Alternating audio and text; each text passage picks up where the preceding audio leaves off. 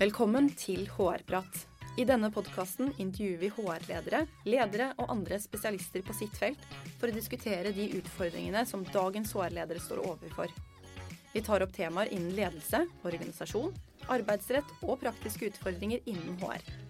Mitt navn er Lene Gjevert, og jeg jobber som HR-manager i Visma. Velkommen til ny episode av HR-prat. Dagens tema er tillitsbasert kultur, og for å snakke om dette har vi invitert Mette Hopsal. Velkommen til deg. Tusen takk. Kan ikke du begynne med å fortelle oss litt om deg selv? Jeg jobber som DNA-direktør hos Ice Norge. Eh, og med det så er det jo en tittel som gjør at folk tenker ja, så fint, hva er det? Um, men det er rett og slett en, en, ny måte å drive med HR på, og en ny måte å tenke mennesker på. Så eh, jeg er ansvarlig for hele menneskedimensjonen i Ice Norge, og har vært der i fire år cirka. Mm. Så eh, det er veldig kjapt om meg. Jeg eh, er jo som du hører fra Bergen, Men jeg har bodd her veldig lenge nå. Jeg tror jeg har bodd her i 18 år. Og um, ser ut som det ble østlending av meg, gitt. Ja, så bra. ja. Det siste året så har flere snakket om tillit i sammenheng med kultur, ledelse og arbeidsliv, men hos dere så begynte jo arbeidet med tillitsbasert kultur for rundt tre og et halvt år siden. Kan du fortelle om dette arbeidet? Mm. For noen år siden, eh, det var rundt i 2016, så ble det gjort et stort strategiprosjekt i ICE. Fordi at eh, ICE har vokst veldig, veldig kjapt. Eh, og det var liksom behov for å både se på hvordan vi jobbet, hva vi skulle levere til kundene osv. osv. Og og da ble det gjort et stort strategiprosjekt hvor man ble enige om at ok, det vi nå skal For det som skjedde da, det var at vi ICE vant en frekvensauksjon som gjorde at de plutselig kunne begynne å eh, jobbe med mobiltelefoni og bygge det tredje nettverket. Mm. Så vi er jo liksom utfordreren til eh, telekom-duopolet i Norge, som er Telenor og Telia. Og det gjorde jo også at eh, det ble gjort et stykke arbeid der på hva er det kundene ønsker. Og da eh, sa kundene veldig klart at vi ønsker eh, et telekomselskap som vi kan ha tillit til, som ikke ting står med liten skrift osv. osv. Og da vi hadde posisjonert oss med og tenkte at det er den posisjonen vi tar, så ble det ganske kjapt gjort et stykke arbeid som sa det at for å kunne bli det selskapet med mest tillit fra kundene, så må vi også ha medarbeidere som kjenner på den samme tilliten. Mm. Sånn at veldig enkelt sagt så ble det sånn at eh, fornøyde medarbeidere gir fornøyde kunder og egentlig andre veien også. Fornøyde kunder gir igjen fornøyde medarbeidere. Ja. Så da gikk de bl.a. ut og lette etter en DNA-direktør som skulle på en måte hjelpe å ta hva skal du si, ICE inn i den nye måten å jobbe på, med ny strategi og også faktisk ny arbeidsmåte. Fordi akkurat i samme momentum så flyttet man fra et tradisjonelt kontor på Bryn til et aktivitetsbasert kontor på, eh, i Nydalen. Ja. Og der skulle tillit på en måte også være fundamentet. Ja. Men, men hva, eh, fortell litt om dette aktivitetsbaserte kontoret. Hva, hva, vil det si? Og det, eh, kom det som et resultat at dere skulle ha den her tillitsbaserte kulturen, eller eh, ja. si, var det en fin tilfeldighet? Nei, det var ingenting tilfeldig med det. Da jeg kom inn og jeg, jeg, takket jo faktisk ja til den stillingen da jeg ble kontaktet, fordi at, nettopp fordi at jeg skjønte at her var det gjort et godt stykke arbeid ja. hvor man hadde gjort et bevisst valg eh, på at Eh, sånn og sånn skal vi jobbe og organisere oss for å klare å nå de forretningsmessige målene og strategiene. Så det som var tanken med altså kan, Det er ikke sikkert alle vet uh, Lene, hva aktivitetsbasert er for noe. Det det handler om, det er at uh, det er et sted hvor man ikke har faste plasser. Og det er det der clean desk policy som gjør at når du er ferdig på en dag og har sittet et sted, så tar du med deg og rydder, rydder vekk så du skal være klar til neste. Og så er jo tanken at i løpet av en arbeidsdag eller en uke eller en måned, så er det jo en del som kanskje gjør forskjellige typer oppgaver. Mm. Og tanken med aktivitetsbasert er jo at du har forskjellige soner eller områder hvor du får dekket alle behovene som du gjerne har i løpet av en arbeidsdag. Ja. Så trenger du f.eks. å sitte kjempekonsentrert, så har du områder som er liksom beregnet på det. Det er veldig, veldig stille, ingen forstyrrelser. Kanskje man eh, jobber, skal jobbe veldig kreativt, så man har da ulike kreative soner og kreative rom med skrivbare vegger og masse ting som stimulerer det kreative og kan man jobbe sammen med andre. Så har man sosiale soner, torget, og tanken er jo at dette, dette, krever jo en del også med tanke på selvledelse, da. Ja. Fordi at eh, det er ikke lenger sånn at du sitter deg et sted og så gjør du jobben din, men, men, du må jo ta et bevisst valg når du kommer på kontoret om morgenen på hva er det jeg skal gjøre i dag, og så plasserer du deg det stedet på kontoret som matcher det du trenger. Ja. Mm. Og så kan man flytte seg litt i løpet av dagen ettersom behovene endrer seg. Absolutt, ja, ja. En av bakgrunnene for at vi også valgte aktivitetsbasert arbeidsplass, var jo at vi sjekket jo dette her før vi flyttet fra Bryn, fra det tradisjonelle kontoret vårt. Og fant jo bl.a. ut, for vi fikk medarbeiderne våre til å svare på spørsmål liksom, ok, hvor er du nå? Det var to ukers periode. Hvor er du nå? Sitter du på plassen din? Er du på et møterom? Hvor er du? Er du ute av huset? Og da fant vi bl.a. ut at våre medarbeidere satt kun på, på fysisk på pulten sin 48 av tiden. Ja. Og det er jo også litt interessant, da, at uh, dette her går, vi, kan, går det an å på en måte gjøre smartere. Fordi at folk har forskjellige ting de gjør i løpet av en dag. Sant? Du skal mm. treffe folk, du skal gjøre ting, du har forskjellige, forskjellige arbeidsoppgaver, kanskje. Ja. Så, så, det var jo også litt av grunnen til det. Mm. Ja, spennende. Men så eh, altså dette arbeidet da med, å, med, denne tillitsbaserte kulturen, altså frykten som en del arbeidsgivere eller ledere kanskje kan kjenne, kjenne, på, er jo den frykten for at noen kanskje vil utnytte systemet eller bekymringer rundt altså vil folk slutte å komme på kontoret eh, hvis det bare er fritt frem og folk kan gjøre som de vil, vil de bare jobbe fra hytta herifra til evig tid. Hvordan har dere forholdt dere til de bekymringene som jeg er helt sikker på at noen av dere også kjente på når dere startet eh, med dette her? Mm. Det som er morsomt er jo at alt det du beskriver nå, det er jo det som alle måtte forholde seg til for et år siden nå i Norge ja. over hele verden pga. korona. Dere var bare lenger før, lenge ja, før oss andre. Ja. Så vi mm. hadde jo det som er spesielt og forskjellen med oss og det som alle nå måttet forholde seg til, det er jo at vi hadde et valg. Ja. Eh, og vi satt jo og tenkte ok, når vi jobber aktivitetsbasert, det betyr jo i praksis at du ikke har nødvendigvis dine teamkolleger ved siden av deg. Du har ikke nødvendigvis lederen din ved siden av deg, eller de du leder. Og da var jo greien at det fordrer jo veldig at du går fra kontroll til tillit. Mm. Og Det betyr ikke ikke du har kontroll, men det betyr at det er en annen måte å drive lederskap og, og samhold på. Så det som vi eh, oppdaget da, det var jo at eh, hva, hva, om vi bare på en måte sier det rett ut? At vi ikke bare sier at vi veldig tærer mye tillit, men vi sier at du kan jobbe når du vil og hvor du vil, og vi måler deg på resultatene og det mm. du leverer. Og da var jo den som du sier, diskusjonen som jeg husker vi hadde når, i ledergruppen, hvor det var liksom hva hvis, når vi har investert i det fantastiske kontoret vårt nå, masse investeringer i det nye, tenk hvis folk da tenker juhu, eh, da blir vi hjemme. Eh, men det var jo en sånn, apropos tillit, så var det også en tillitshandling fra vår side, en leap of faith, på at eh, hvis folk, når vi har lagt så, så, mye penger og økonomi og tid ned i det nye kontoret, hvis folk likevel velger primært å sitte hjemme, da er det på en måte, har vi et annet issue. Da har vi ikke klart å innfri, vi har ikke klart å, levere det vi skal levere, som gjør at folk har lyst til å komme på kontoret. Mm. Men det vi så, som var utrolig gøy å, å konstatere, det var jo at folk eh, var primært på kontoret, for det er der det sosiale og, og fellesskapsbiten og det kreative og eh, det å jobbe sammen, det står veldig sterkt hos oss i ICE. Ja. Så det vi opplevde, det var jo at folk hadde muligheten til å sitte hjemme, men de brukte kun muligheten dersom det var på en måte logistikkmessige ting på at du prøvde å få jobb og privatliv til å gå rundt. Sant? Du mm. hadde et barn som skulle til skoletannlegen midt i arbeidsdagen, eller eh, du hadde en håndverker som skulle komme og levere noe og fikse noe. Sant? Så istedenfor å måtte ta ut en feriedag eller noe sånt, så hadde du muligheten til å Ja, da sitter jeg hjemme. Ja.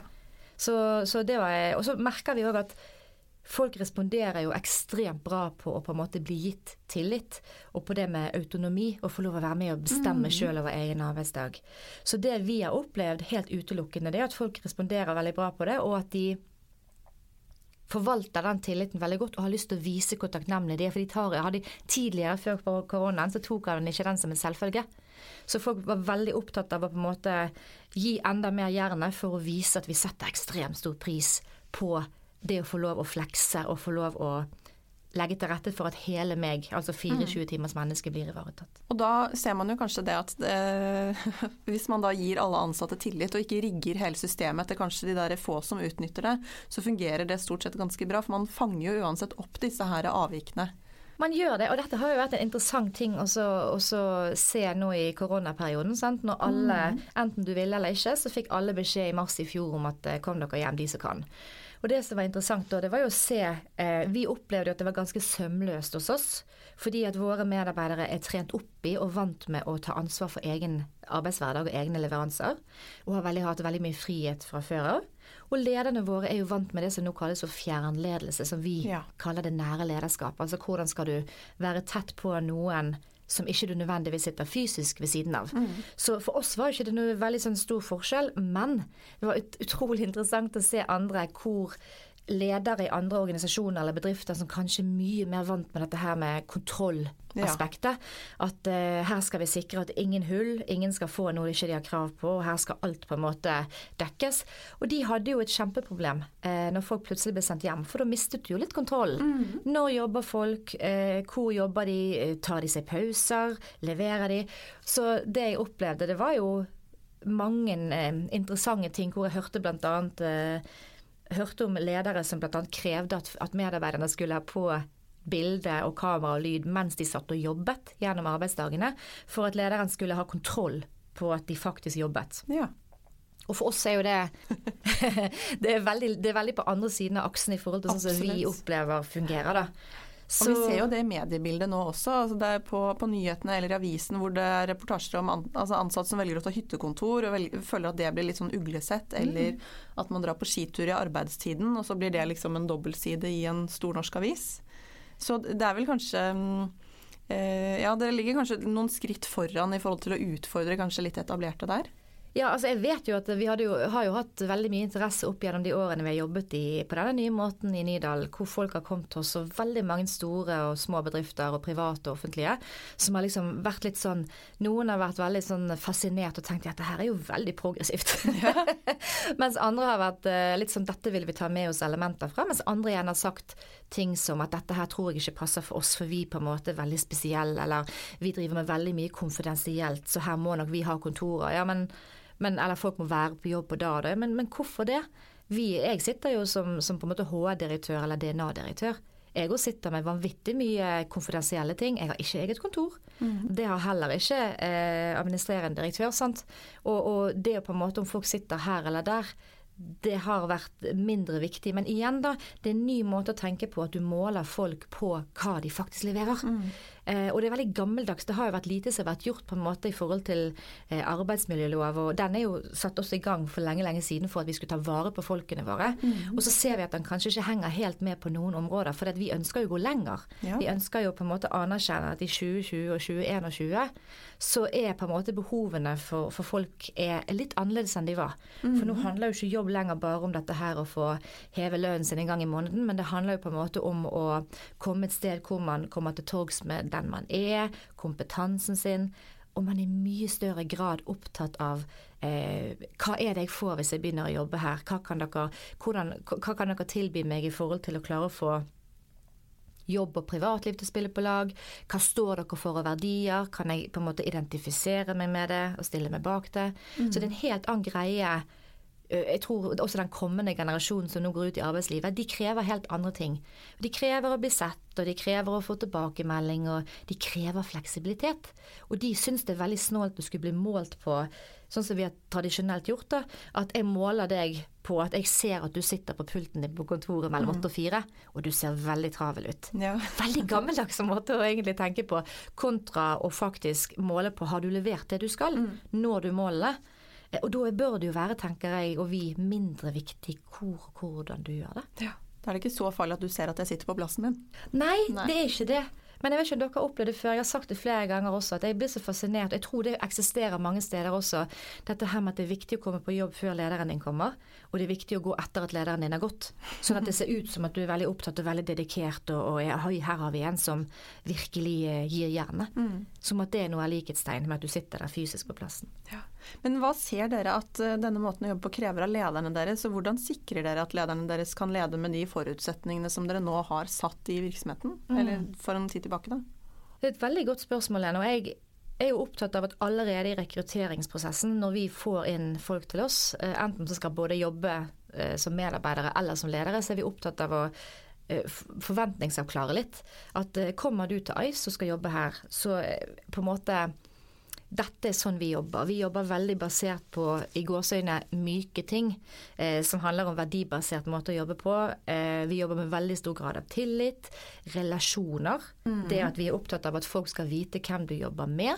Og hvem du jobber for, for vi tror det er viktig. Eh, det er sentrale begreper hos oss. Og det er jo på en måte allerede i rekrutteringsprosessen og intervjuene fortelle at dette er det som møter deg, så ikke du får helt sjokk når du, når du begynner. Men, men, lederne, det er jo en annen ballgame å være leder i ICE. Mm. Det er det. Eh, og derfor så trener vi jo lederne våre spesifikt. så det er jo det som har vært også forskjell på oss og kanskje de som har måttet gjøre dette her i koronaperioden. At det har det ikke vært noe valg. Ingen har fått sjanse til å forberede seg. Og alle lederne har gått hjem. Og de lederne som er gode, eh, tror jeg også har vært gode gjennom koronaperioden, fordi de har det. Mm. Mens dårlige ledere i gåseøyne, som kanskje ikke like helt skjønner lederrollen sin like bra, de har ikke blitt bedre av å bli sendt hjem. Så det som vi har hatt fordel ved å gjøre i forkant av det at vi har jo trent lederne våre gjennom mange år i ledertreningsprogrammer hvor innholdet kanskje i enda større grad enn vanlige ledertreningsprogram har handlet om evnen til å lage meningsfulle relasjoner til de du skal lede. Viktigheten av at du som leder viser interesse for hva din medarbeider har i ryggsekken. Hva medarbeideren din er opptatt av. Hvordan på en måte livet henger sammen. For det er det som vi ser nå, akkurat de tingene vi har vært opptatt av. Det med å trene lederne våre i tillitsaspektet, 24 timers menneske. Sant? At du er ikke bare en medarbeider på jobb, mm. men det du har hjemme, det påvirker. Eh, relasjoner, alt det der, det ser vi jo er det som har gjort at eh, det å gå over til tvunget hjemmekontor som en helt annen ballgame, det har fungert ganske greit, for lederne er jo trent i det. Mm. De er trent i OK, kjære leder, hvordan skal du nå være tett på folkene dine? Hvordan skal du nå vite hvem som funker hjemme, hvem som virkelig bør tilbake til kontoret, hvem som er mest produktiv her eller der, eh, eller ting som du bør jo som leder i denne koronapandemien f.eks. vite har du medarbeidere i risikosonen? Mm. Har du medarbeidere som har familiemedlemmer i risikosonen? Har du medarbeidere som er redd eh, for å bli smittet, og som faktisk syns det er vanskelig? Mm. Eller har du medarbeidere som tenker jeg har aldri hatt det bedre og vært mer produktiv enn det jeg er nå hjemme? Ja. Og det igjen handler jo om at lederne må være trent i hvordan skal du komme tett nok på til å vite de tingene, og dermed kunne gjøre grep. Mm. Og mange sitter nok med diskusjoner i, på egen arbeidsplass hvor flere av de tingene vi nå har vært eh, inne på er relevant. Og jeg tenker at etter pandemien så skal vi nok kanskje ikke tilbake til hvordan ting var, men vi må jo skape en ny normal. Hva tror du blir viktig hos dere fremover? Det jeg tror er viktig hos oss, eh, det er jo egentlig å fortsette å huske på at folk ikke er like. For vi sitter jo sånn som alle der ute nå holder på å finne ut hvordan skal vi rigge oss. Og det jeg tror er viktig, det er liksom den å huske på at når vi nå legger opp til den nye normalen, så kan vi ikke gjøre det over én lest fordi at vi har medarbeidere. Det er derfor jeg syns det er viktig å ha den dimensjonen med når vi snakker om blir det hjemmekontor som er det primære. Eh, blir det, blir det å sitte på fysisk på kontoret? Jeg tenker at det handler jo om at folk er forskjellige, og folk må få valgfriheten. Mm. Og så litt av det som, som, vi av og til også trenger å stoppe opp og huske på, det er igjen som jeg sier folk er så forskjellige. Så det å treffe på en måte vi skal treffe ganske bredt med én pil, da. Sånn at når vi nå legger opp til et opplegg, så kan vi ikke si at nå skal alle så og så mye være hjemme så og så mye, eller folk skal jobbe sånn eller sånn, for dette kommer helt an på hva medarbeidere vi har. Ja. Det kommer an på personligheten deres, det kommer an på familiesituasjonen, hvor i livets faser du er. Det kommer an på ikke minst arbeidsoppgavene dine, jobben din. Eh, vi har jo medarbeidere hos oss som stort sett gjør det samme dag inn og dag ut, og som kanskje vil synes det er hensiktsmessig å få lov å sitte og jobbe uforstyrret. Som kanskje vil synes at det å være hjemme er ok. Så har man andre typer arbeidsoppgaver som er helt avhengig av den daglige eh, innsjekken med andre. Det er masse mennesker du skal hele tiden sjekke av med. Som, eller kreativ og innovasjon. Ting mm. som på en måte helt klart eh, vil ha bedre vekstvilkår, tror vi på et fysisk kontor. Så igjen dette her å huske på at folk er forskjellige, og igjen det med relasjoner. For å vite hvordan vi skal rigge oss fremover, så må vi jo være trygge på at vi gjennom lederne våre kjenner folkene våre. Ja. Og kjenner den eh, bredden og de ulike behovene som folk har. Mm. Så det er det som jeg tenker vi skal jobbe videre også med, og, ikke glemme at eh, når vi nå lager noe nytt, så må vi huske på at vi også One size doesn't fit all, da. Mm. Men Hvor langt har dere nå kommet med å Har dere liksom noen klare bilder av hvordan ting blir hos dere fremover nå? Det vi i hvert fall er ganske sikre på, det er at eh, svaret er liksom ikke eh, å lage på en måte å si at så og så mye skal du være hjemme, så og så mye skal du være på kontoret. Jeg tror det folk vil trenge, det er jo valgfrihet, og ledere som på en måte klarer å, å rigge det sånn at folk får de best mulig optimale måtene å jobbe på. Og så tror jeg at vi som organisasjon har veldig store muligheter for å kunne lage insentiver. Så vi må jo være tydelige på hva retning vil vi det skal ta. Vi har jo medarbeidere som jeg opplever pga. den sterke kulturen vår og det fellesskapet vi har, så opplever jeg at vi har medarbeidere som går den retningen. Når vi ser en retning, så går folkene våre der. Og da må jo vi som ledelse være veldig tydelige på hva, hva er det vi ønsker å oppnå. Og hvis vi lager i gang insentiver som eksempel eh, Jeg tenker helt konkret, da. Skal man gjøre spennende ting på jobben, skal man gjøre spennende seminarer og konferanser, skal man gjøre det digitalt? For Hvis man gjør det digitalt, så kan folk enten velge å sitte på kontor eller hjemme. I det øyeblikket man sier at dette her skal vi kun, dette her blir et kjempestort arrangement på torget vårt fysisk, mm. da har du, og ikke gjør det digitalt, så har du plutselig lagd et insentiv som gjør at folk må komme på jobb for å få det med seg. Sant? Sosiale ting. Eh, vi har jo valgt å det er jo mange som på en måte kanskje har, har eh, tenkt litt òg at oi, nå er det mange som sitter hjemme, så nå kan vi som arbeidsgivere kanskje spare litt cash sant, på, på hvordan vi rigger kontoret, ha mindre, investere mindre i det. Vi har jo tenkt motsatt, at vi må bare følge med på hvordan ting nå utvikler seg. Og det vi ser nå, det er jo f.eks. at det digitale får en mye større plass. Det vi har gjort da, helt konkret hos oss, det er jo at vi har sørget for at biblioteket, som var, hadde en helt klar funksjon og plass tidligere, Eh, det er jo på en måte nå ting som folk får dekket ved å sitte hjemme f.eks., eller andre steder på kontoret hvor du skal sitte helt uforstyrret. Ja, okay. Så det har vi rigget om til et kjempestort podkaststudio. Ja. Hvor vi har sendinger, digitale allmøter, eh, podkaster, hvor vi sørger for at vi alle sammen er i kontakt med hverandre, mm. men digitalt. Ja. Så det handler ikke liksom om å handler, jeg tror jo personlig ikke Lene, at vi går tilbake igjen til hvordan det var. Så det er jo snakk om å på en måte prøve å finne en ny normal, men vi vet jo heller ikke hvordan ting blir fremover. Nei. Og det er jo det som er litt spennende her. Vi famler litt på en ustø grunn her, med bind for øynene, egentlig. Mm. Eh, men igjen, er du tett nok på medarbeiderne dine, og du hele tiden har pulsen på hvor de er og hva de trenger, etter hvert som eh, både pandemien og omgivelsene forandrer seg, da er du ganske godt, eh, godt på vei, altså. Absolutt. Mm. Før vi runder av, hvilke tre råd vil du gi til HR-lederne som nå hører på for å skape en tillitsbasert kultur? Mm. Det første jeg ville gjort hvis dere ikke er vant med å jobbe med, med, tillit i dag som fundament, så ville jeg sjekket hvordan er situasjonen, altså oppleve hva er graden av tillit i dag, for å bare finne ut hva er utgangspunktet. Eh, og spørre folk, rett og slett spørre medvennene dine. Eh, hvordan opplever dere altså Vær helt konkret på hvordan opplever dere at graden av tillit er i dag. Mm -hmm. Så, som jeg har nevnt tidligere, Lene, så vil jeg absolutt anbefale å fokusere på relasjoner. Altså relasjonskompetanse, det å bygge gode relasjoner i organisasjonen. For har du relasjoner som er gode og solide, eh, og du har folk som klarer å forstå viktigheten av de og vet hvordan du skal lage de, tillit og relasjoner henger veldig godt sammen i det øyeblikket jeg kjenner deg litt, så er det en grad av tillit. Hvis du har delt noe med meg, hvis jeg forstår hvordan du fungerer, jeg har blitt litt kjent med deg, enten vi har ledd sammen, delt noe sammen, så skjer det et eller annet med tilliten der. Mm. Og med, egentlig med en gang tilliten er der, da er det lettere å be om råd, gi feedback, spørre om hjelp osv. Og den siste tingen, det er som vi har opplevd veldig gjennom de årene før pandemien også, det er at tilliten må være reell. Og det betyr at eh, for vi ga f.eks. nå i koronaperioden, så sa vi at eh, det er så viktig at dere kommer dere ut i løpet av uken. Istedenfor bare å si gå ut, sørg for at dere kommer dere ut, så satt vi det i system og sa to timer i uken skal lederne sette av utetid i kalenderen til hver medarbeider for å sikre at folk kommer seg ut på tur. For så viktig er det. Ja. Da er det viktig poeng når folk da faktisk gjør det og går ut på tur.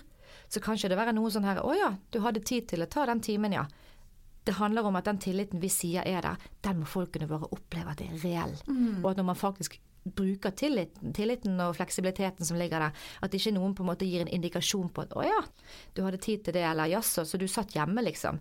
Det må være reelt, ellers mm. så faller hele korthuset med tillit sammen. Ja. Tusen takk for gode råd, og tusen takk for at du kom. Veldig hyggelig å være her. Takk. Og til deg som hører på, vi prates. Hvis du har temaer eller spørsmål du ønsker vi skal diskutere, send oss gjerne en mail på hrprat.visma.com. Og for flere episoder, sjekk ut visma.no slash podkast slash hrprat.